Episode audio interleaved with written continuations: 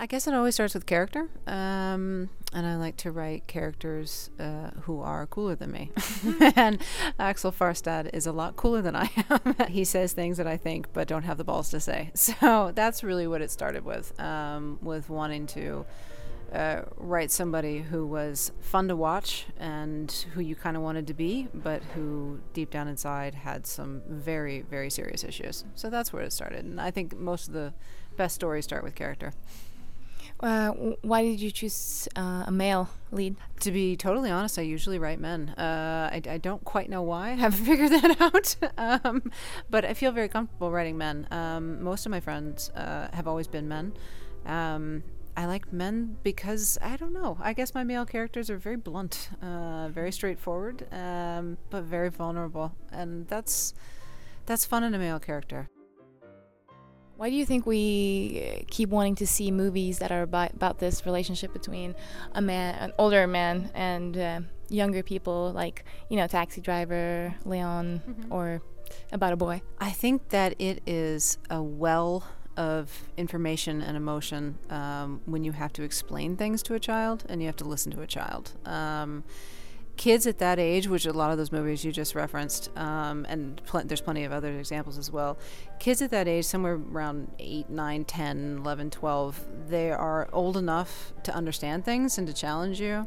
Um, but not so old that they have a filter on their mouth. Um, so I think that there's just a wealth of storytelling there when you have somebody, an adult, who's flawed, and all those films you just referenced have flawed adults. Mm-hmm and they have to interact with somebody who isn't as polite as everybody else and, and speaks their mind.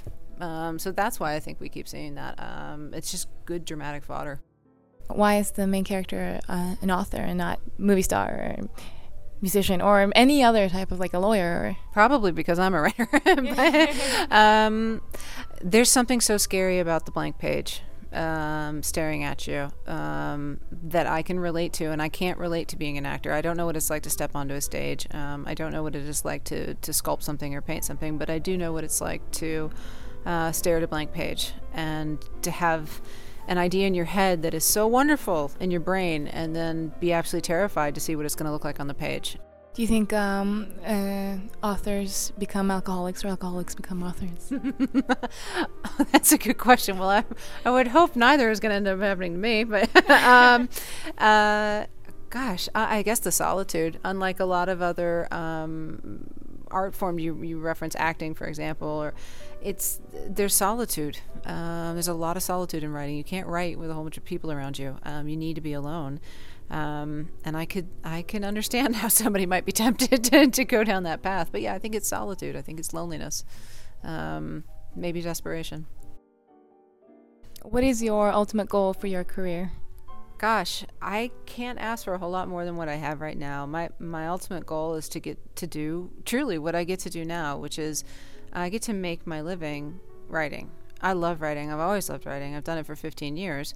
Um, but I make a solid living now doing the thing I love. And I'm even in a position where I can really either start projects that come, as corny as it sounds, from my own heart or jump on board projects that are really inspiring. Where did your love for writing come from?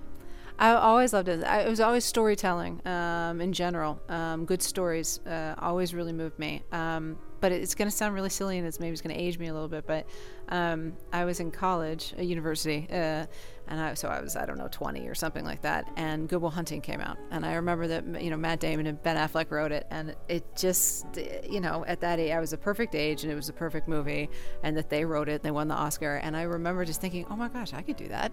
I could anybody I could write a movie. Um, and I before that was pre-law. Uh, I was planning on going to law school, and I graduated from university and went directly into a master's program for screenwriting, and I've never looked back.